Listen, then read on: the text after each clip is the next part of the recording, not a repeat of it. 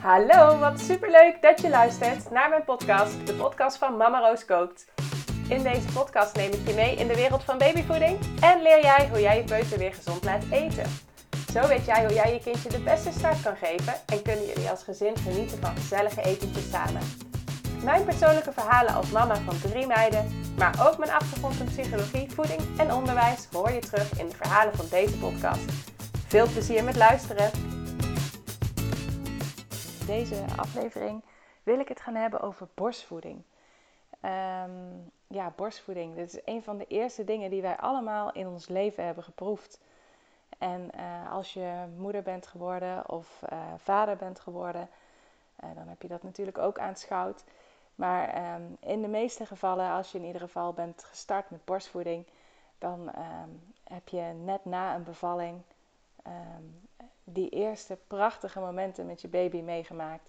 Emotioneel, ontroerend. En uh, op dat moment geef je borstvoeding. En wat is dat toch bijzonder? Dat je lichaam ineens, ja, sowieso zo'n hele bevalling en daarvoor ook zo'n hele zwangerschap. Het is eigenlijk al zo'n ontzettend wonder wat daar allemaal gebeurt. Maar op het moment dat je net bent bevallen en dat je lichaam dan weet: oké, nou moet er melk zijn voor de baby om te groeien. En dat die baby dan gewoon weet dat hij aan moet happen en dat hij dat snapt hoe dat werkt. En uh, dat dat in heel veel gevallen gewoon meteen makkelijk goed gaat. En dat je baby gewoon zelf kan gaan eten. En dat hij zelf dus zijn, de bron kan zoeken waarmee hij kan groeien. En uh, dat je baby zelf aan kan geven hoeveel hij dan nodig heeft. En dat het lichaam van de moeder dan weer aanpast hoeveel melk er aangemaakt wordt. Ja, ik vind het echt iets super bijzonders. Um, vloeibare liefde noem ik het ook wel. Uh, nou, zoals je hoort, ik ben uh, best wel fan van borstvoeding. Um, ik vind het echt, nou ja, gewoon een super bijzonder gegeven. En naast dat ik het zo bijzonder vind om um, het te kunnen geven ook aan mijn dochters, of de oudste twee krijgen op het moment helemaal geen borstvoeding meer, maar de jongste nog wel. Um, naast dat ik dat zo bijzonder vind en fijn vind dat ik dat kan geven, vind ik het ook wel eens heel zwaar. En daar wil ik het in deze podcast over hebben. Over wat is er nou zo geweldig aan borstvoeding? En wat zijn dan die dingen die het voor mij ook zwaar maken? Um, nou, ik heb net al een, romantisch verhaal verteld over uh, ja, um, hoe fantastisch het is dat je lichaam ook zo afgesteld raakt op het lichaam van je babytje. En dat het echt een samenwerking is. En dat je het, ja, je doet het samen. Hè? Dus hoeveel je baby drinkt, um, zoveel maakt het lichaam van de moeder weer aan. Als je babytje ziek is, um, dan maakt de moeder weer antistoffen aan, specifiek die die baby nodig heeft. Um, als je babytje ouder wordt, dan verandert de samenstelling van de melk weer. Helemaal in die allereerste fase, dan krijg je het colostrum, het uh, super voedzame uh, melk, die echt hartstikke belangrijk is voor het immuunsysteem van de baby. Dus je ziet ook dat die melk steeds verandert en eigenlijk precies is altijd wat je baby nodig heeft. Wat ik ook zo'n bijzonder besef vind, is dat je baby nooit zo ontzettend uh, hard groeit meer als in die allereerste fase. En het enige wat je baby drinkt is borstvoeding. Dus het, alles, alles wat je baby nodig heeft, zit daar dan gewoon in. Um, en ja, tijdens de borstvoeding heb je ook nog zo'n lekker knuffelmomentje waarmee je ook nog eens uh, aan, ja, aan het knuffelen, liefde aan het geven bent. Um, dus ja, ik vind het echt op alle manieren iets uh, heel positiefs. En um, ja, wat zit daar dan allemaal in? Hè? Dus dat zijn zowel vitamines als mineralen, als heel veel energie. Het is eten, het is drinken tegelijkertijd. Dat het dat ook allebei is, vind ik ook al zo bijzonder. Dat je niet je baby nog extra water hoeft te gaan geven of ander soort drinken of juist uh, voeding. Ja, op een gegeven moment natuurlijk wel, maar in het begin is gewoon het enige wat je babytje nodig heeft, die borstvoeding.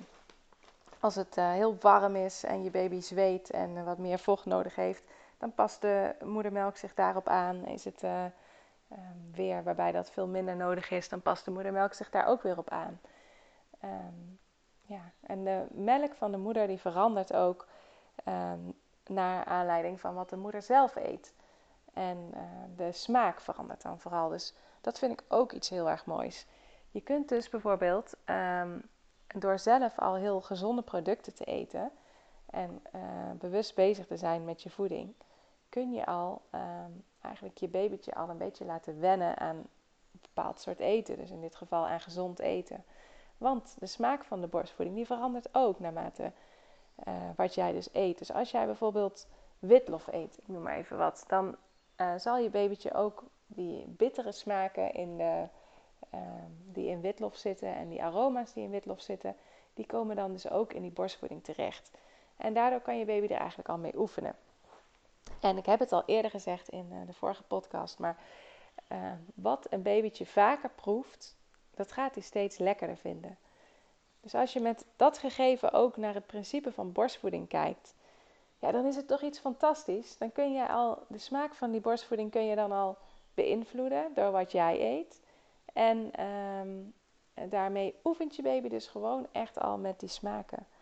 Dus eet jij veel uh, gekruid bijvoorbeeld, dan zal je baby daar ook eerder aan wennen. Um, eet je veel groenten, dan zal je baby daar ook makkelijker aan wennen. Eet je veel fruit, dan gaat je baby daar ook makkelijker aan wennen. Het geldt natuurlijk ook omgekeerd. Um, dus als jij heel erg ongezond eet tijdens die periode, dan zullen dat ook de smaken zijn waar je kindje al een beetje aan leert wennen. Dus ik zou zeggen, pas deze kennis vooral uh, positief toe. Want wat is het ook belangrijk om goed voor jezelf te zorgen? Het is dus belangrijk zowel voor de smaak als voor de voedingswaarde van je melk, wat je zelf eet uh, gedurende de borstvoedingsperiode. Um, maar daarnaast is het natuurlijk ook super belangrijk voor jezelf. Want borstvoeding geven vergt ook heel erg veel van het lichaam van een vrouw. Dus is het ook heel belangrijk om, om daar ook heel goed voor te zorgen. Uh, ik zal zo ook wat voorbeelden geven van uh, hoe ik daar uh, zelf ook mee omga. Um, nou, naast dat het dus super gezond is, gezellig is, um, dat je echt leert je baby te wennen aan smaken, vind ik het ook nog eens ontzettend makkelijk. Je hoeft nooit iets mee te nemen. Het, het, is gewoon altijd bij je. Het is altijd een goede temperatuur.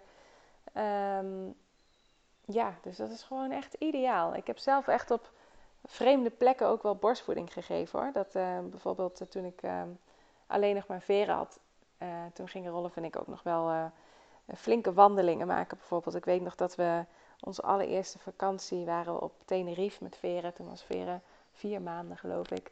En wij deden echt best wel een heftige wandeling van een klif helemaal naar beneden naar de zee lopen. Super mooi. Um, maar dat kon ook omdat ik die borstvoeding gaf en omdat we niet tussendoor ergens warm water nodig hadden midden in de natuur. Maar omdat ik gewoon daar ergens op een rots kon gaan zitten en uh, veren pakken die uh, in de draagzak bij Rolf zat. En haar gewoon daar lekker gaan zitten voeden. Um, ja, ideaal vind ik dat. Ik moet wel zeggen, nu het uh, in deze coronatijd, um, dat ik natuurlijk bij mijn vorige twee meiden niet heb gehad, dat het een coronatijd was. En nu heb ik een klein babytje in coronatijd. Is het wel soms ook even een beetje zoeken. Want ehm, Rosa die, uh, uh, ja, die was natuurlijk nog gewoon klein tijdens de wintermaanden. En wat deed ik nou eigenlijk altijd bij Veren en bij Sterren? Ik ging heel vaak gewoon lekker wandelen of leuk dingen doen. En dan ging ik onderweg even ergens in een cafeetje zitten om te voeden. Um, de allereerste keer dat ik dat deed trouwens bij Veren, toen had ik daar ook nog best wel wat schaamte op zitten hoor. Ik weet nog hoe ontzettend ik er tegenop zag om mijn borst tevoorschijn te halen, zeg maar, om te gaan voeden. Dus ik zat ook heel moeilijk met allemaal doeken eroverheen en zo te doen. Nou ja, eh, gedurende die, uh, die fase dat ik heel veel borstvoeding heb gegeven, was ik daar totaal niet meer mee bezig. En was dat, uh, ja, nee, was dat totaal geen issue meer voor me. Maar ik weet nog wel, toen ik weer zwanger was van sterren, dat dat wel weer opnieuw in mijn hoofd zat. Van, oh ja, ga ik dat dan straks weer doen? Ga ik dan gewoon weer zo mijn borst in een café pakken om, om haar borstvoeding te kunnen geven? Maar goed, toen was ik al lang over die gêne heen. Dus het was eigenlijk toen het eenmaal zover was, was dat helemaal geen, uh, geen ding meer, gelukkig. Maar wat ik eigenlijk wilde zeggen is dus wel dat ik de horeca in die zin echt wel mis. Dat ik nou wel uh, uh, ja, al vaker zo tegenaan ben gelopen van ja, en nou zit ik met voeden. Um, maar ja, om nou buiten ergens te gaan zitten voeden, dat vind ik in de zomer en in de lente. En als het gewoon een beetje oké weer is, vind ik dat echt heel erg prima. Maar ja, het is ook echt soms wel heel erg koud geweest in de winter. En dat uh, durf ik dan ook niet helemaal aan. Dus daar heb ik uh, nou wel veel meer rekening mee moeten houden. Dat ik ehm, veel meer weer op voetmomenten zeg maar, thuis was. Ehm, maar goed, dat ging ook prima. Maar dat was wel het voordeel uh, bij Veren en bij Sterren. Dat ik gewoon uh, van die horeca heel veel gebruik heb kunnen maken. Um, wat ik wel heel onhandig vind aan borstvoeding. Want ja, die uh, punten zijn er natuurlijk ook. Is dat je, um, als je babytje er niet is, dat je moet kolven om het wel op gang te houden. Um, nou heb ik dat op mijn werk gewoon altijd op een prima plekje kunnen doen. Hoewel toen ik zwanger of ja, bevallen was van sterren, toen was het, uh, hadden we twee kolfkamers op het werk en ik werk op een uh, hogeschool. Um, en er waren op dat moment best wel veel vrouwen die net een babytje hadden gekregen. Dus het was wel altijd heel druk dat je soms echt gewoon heel lang zat te wachten. En um, ja, wat wel ook onhandig was, is ik geef les en dan heb je um, een rooster natuurlijk. Dus dan moet je op een bepaald moment moet je weer voor de klas staan. En als je dan lang moet wachten voor zo'n kolfkamer, ja, dan kan het wel super onhandig zijn. Want je ziet gewoon die tijd oplopen en je ziet, oké, ik moet over een kwartier weer in de les staan. Um, maar goed, oh, dat, uh, ja, dat kan dus wel eens vervelend zijn. Het kan ook wel hilarische momenten opleveren. Zo uh, weet ik nog dat ik, uh, nadat ik van sterren bevallen was, een eerste keer een weekendje wegging met vrienden. En een vriendin van mij, die heeft, ja, dat was ook wel erg leuk trouwens, maar die heeft de dag na mij haar dochtertje gekregen. Dus um, we hebben eigenlijk ja, twee kindjes die even oud zijn. En uh, zij zat dus ook nog met de borstvoeding toen wij dat weekendje weggingen. En uh, toen gingen we uit eten en we gingen op stap. En wij stonden daar echt samen. Werd er een wc voor ons afgesloten toen wij vroegen van waar we konden kolven. Stonden wij daar samen echt op een super ranzige wc te kolven. En nou ja, gewoon heel erg hard te lachen ook. Want we vonden het eigenlijk ook zoiets grappigs hoe we daar stonden met het stomme kolfapparaat en onze borsten. Maar zo leuk ook dat moment nog om dat samen mee te maken. En ik heb ook wel eens op een symposium waar ik heen was, ook over babyvoeding trouwens. Maar daar waren ook wel meer, ehm, meer mensen die net een babytje hadden gekregen natuurlijk. Um, het was ook vooral gericht op huisartsen en op artsen. Dus daar zat ik met een aantal huisartsen zat ik dan in zo'n kolfruimte samen te kolven, omdat daar ook maar één kolfruimte was. En er waren ontzettend veel vrouwen die in diezelfde fase zaten. Maar ja, zo leer je ook wel mensen kennen. Dus dat kan ook wel weer heel grappig zijn. Nou, dat is dus het onhandige. Um, verder heb ik bij veren heb ik eigenlijk helemaal geen problemen gehad met borstvoeding. Alleen in het begin dat je dat toeschietreflex, dat dat echt wel soms pijnlijk kan zijn. En um, ja, verder heb ik daar helemaal geen problemen mee gehad. Dus het is eigenlijk altijd gewoon super makkelijk gegaan. Zij hapte ook goed aan meteen. En um, ja, ik weet ook wel dat ik me daar ook al heel snel heel zeker over voelde. Want um, na de bevalling van Veren waren wij ontslagen uit het ziekenhuis. En dat was echt midden in de nacht. En ze was 5 januari is ze geboren. En het was heel koud op dat moment. Het was min 10. En om 1 uur s'nachts werden wij gewoon op straat gezet bij min 10. Um, ehm, maar goed, dat was dus ons eerste kindje. En nou, hartstikke spannend, wij naar huis. En dan heb je dus eigenlijk geen kraamhulp in de nacht. Maar wij hadden gelukkig een, hele fijne kraamhulp die wel die nacht nog even wilde komen om te helpen met veren in bed leggen en zo. Maar uh, die was iets later dan dat wij thuis kwamen. En toen zat ik hier gewoon al op de bank. Zat ik hier gewoon lekker te voeden. Want ik, ja, we waren thuisgekomen en toen dacht ik, ja, wat moet ik nou eigenlijk doen? Nou, ik ga me vast voeden. En uh, dat zonder kraamhulp of iets erbij. Zo zeker voelde ik me op dat moment al gewoon daarover. En die kraamhulp die kwam ook eigenlijk een beetje zo verbaasd binnen. Van, oh, nou, dat zie ik niet vaak, dat dat al zo, uh, zo makkelijk gaat dat je dat uh, initiatief zo zelf hebt genomen. Maar uh, ja, dus dat voelde gewoon altijd heel goed. Ehm, bij Sterren ging het wat moeilijker. Die had um, de eerste week, ja, ze hapte ook gewoon meteen goed aan en het leek allemaal goed te gaan. Maar ze kreeg heel erg luieruitslag. En blijkbaar is luieruitslag, als je dat erg hebt, dan kun je daar weer spruw van krijgen. Of dat is een soortzelfde bacterie of zo. Maar in ieder geval, dat kreeg ze ook. Dus zij had spruw gekregen en um, ja, daardoor ging ze net een beetje anders drinken en anders aanhappen. En daardoor heb ik uh, best wel tepelkloven gekregen. En nou, dat is echt pijnlijk, kan ik je vertellen. Dus dat, uh, ik heb het wel volgehouden omdat ik het gewoon zo gezellig en leuk en liefdevol en gezond vind. Um, en uiteindelijk zijn die tepelkloven natuurlijk ook gewoon overgegaan. En heb ik nog een hele lange tijd op een hele fijne manier borstvoeding kunnen geven. Um, maar uh, ja, dat was even best heftig.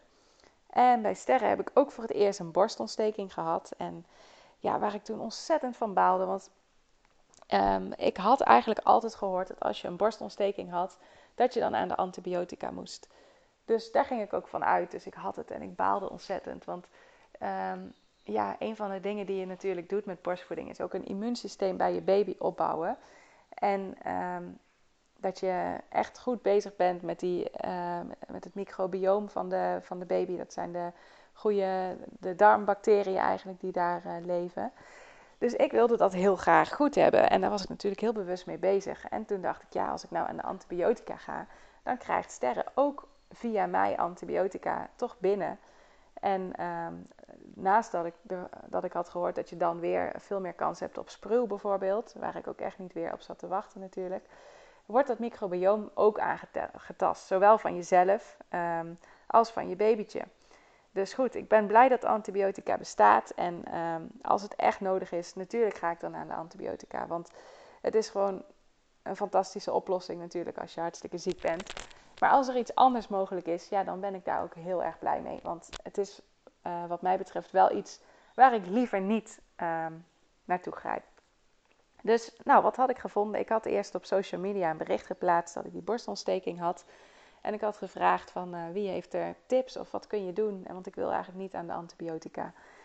Nou, dat was echt fantastisch en hartverwarmend wat ik daar allemaal wel niet voor reacties op kreeg. En hoe iedereen mee ging denken en wat daar voor tips op kwamen. Um, en uiteindelijk ben ik toen terechtgekomen bij een, uh, bij een fysiotherapeut die uh, bij mij in de buurt woont. En um, zij doet geluidsgolventherapie bij borstontstekingen. Nou, dat was echt super, want ik, hoefde, ik kon gewoon gaan liggen en zij ging met een soort van echoapparaatje over mijn borsten heen.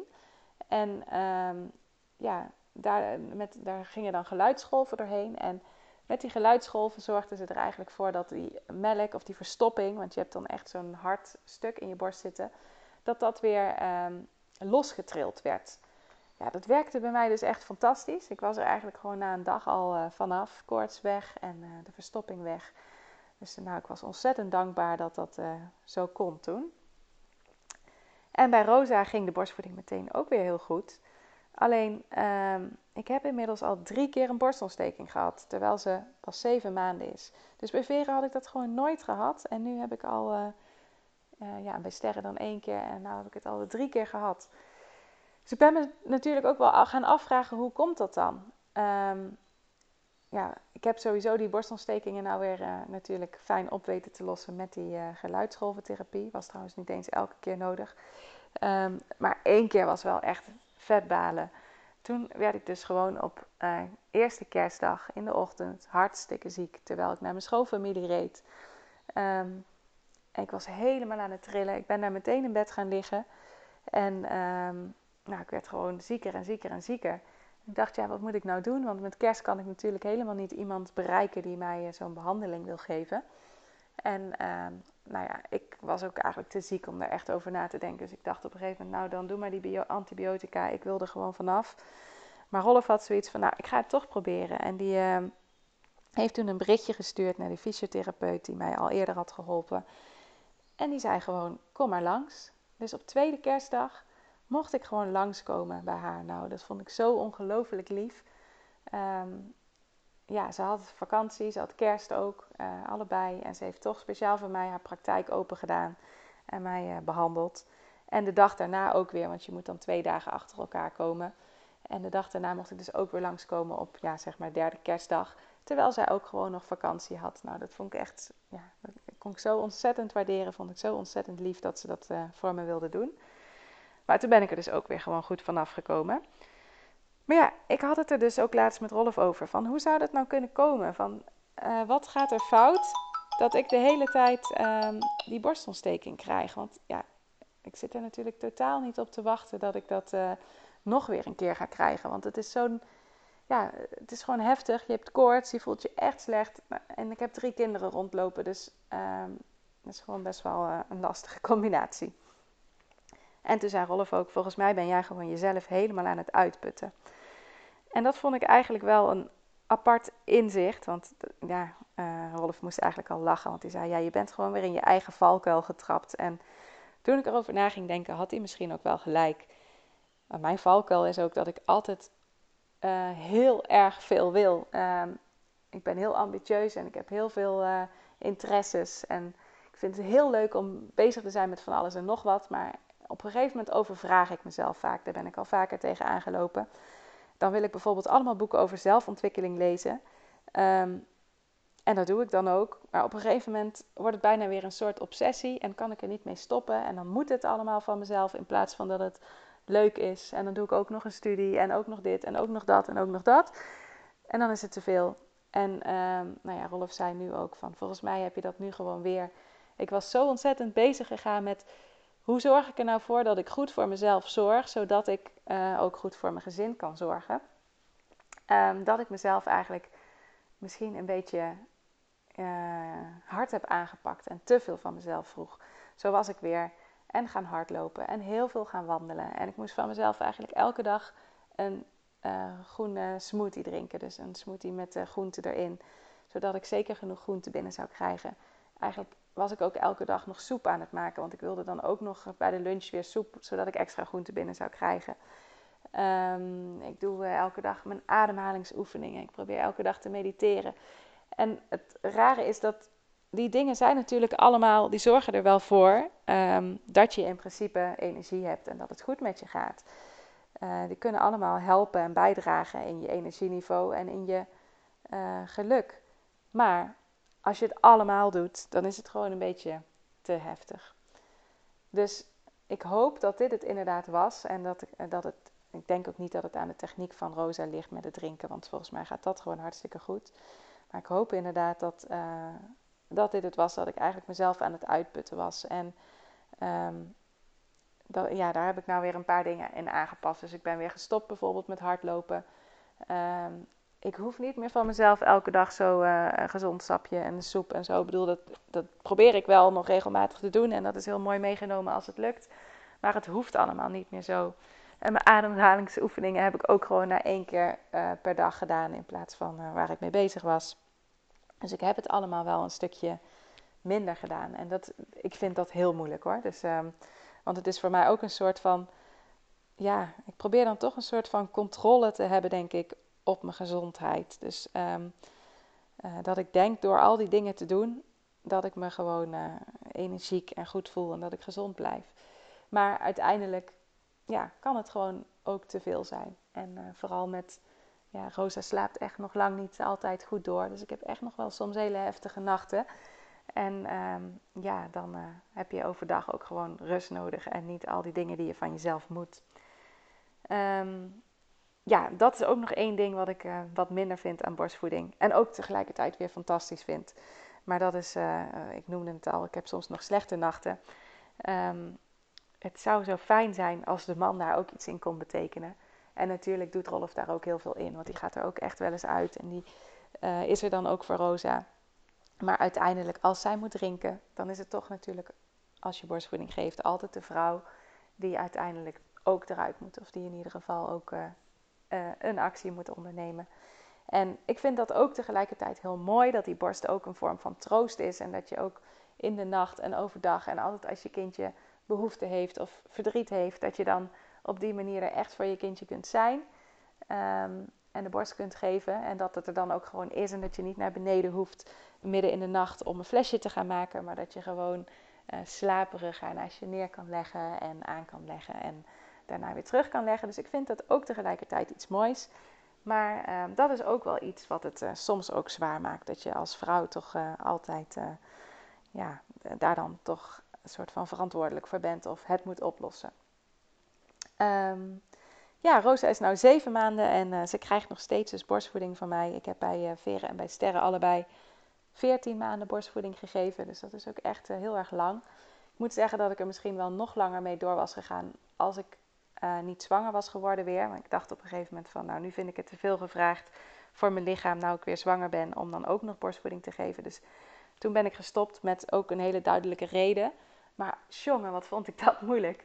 Ik het zo moeilijk om die momentjes los te laten. En um, ja, nou, ik heb daar echt even lastig mee gehad. Maar ik ben uiteindelijk blij ook dat ik het wel heb gedaan. En dat ik er gewoon uh, vol uh, mijn lichaam weer de energie heb kunnen geven voor de zwangerschap. Om daarmee bezig te zijn. Um, ja, Rosa is nu zeven maanden en ik heb eigenlijk nog geen idee uh, hoe lang ik ermee doorga. Maar op dit moment is het nog helemaal fijn. Ik heb wel al gezegd uh, van nou, als ik nou weer een borstontsteking krijg, dan ben ik er ook echt wel klaar mee. Maar geen idee of dat dan ook echt zo is. Want dat dacht ik eigenlijk na twee, twee borstontstekingen ook al. En ik ben nou nog steeds bezig. Dus uh, we zullen zien. Um, maar goed, ik geniet er in ieder geval enorm van. En ik hoop dat ik jou ook uh, heb kunnen inspireren tot borstvoeding. En dat je ook inziet wat voor iets fantastisch het is. En hoe ontzettend je helpt ook je kindje um, met een mooi immuunsysteem aanleggen. Maar ook met leren eten. Dus met um, het leren kennen van smaken. En heel belangrijk punt, wees lief voor jezelf op het moment dat je borstvoeding geeft. En altijd trouwens, vind ik eigenlijk sowieso een hele belangrijke les. Wees gewoon lief voor jezelf. En kijk wat jij en jouw lichaam nodig hebben om, uh, om zich goed te voelen. Maar in die borstvoedingsperiode dan uh, is dat helemaal van extra groot belang. Dankjewel voor het luisteren. Heel leuk dat je er weer was. En uh, nou, ik ga nog heel veel leuke afleveringen maken over alles rondom babyvoeding en rondom peutervoeding.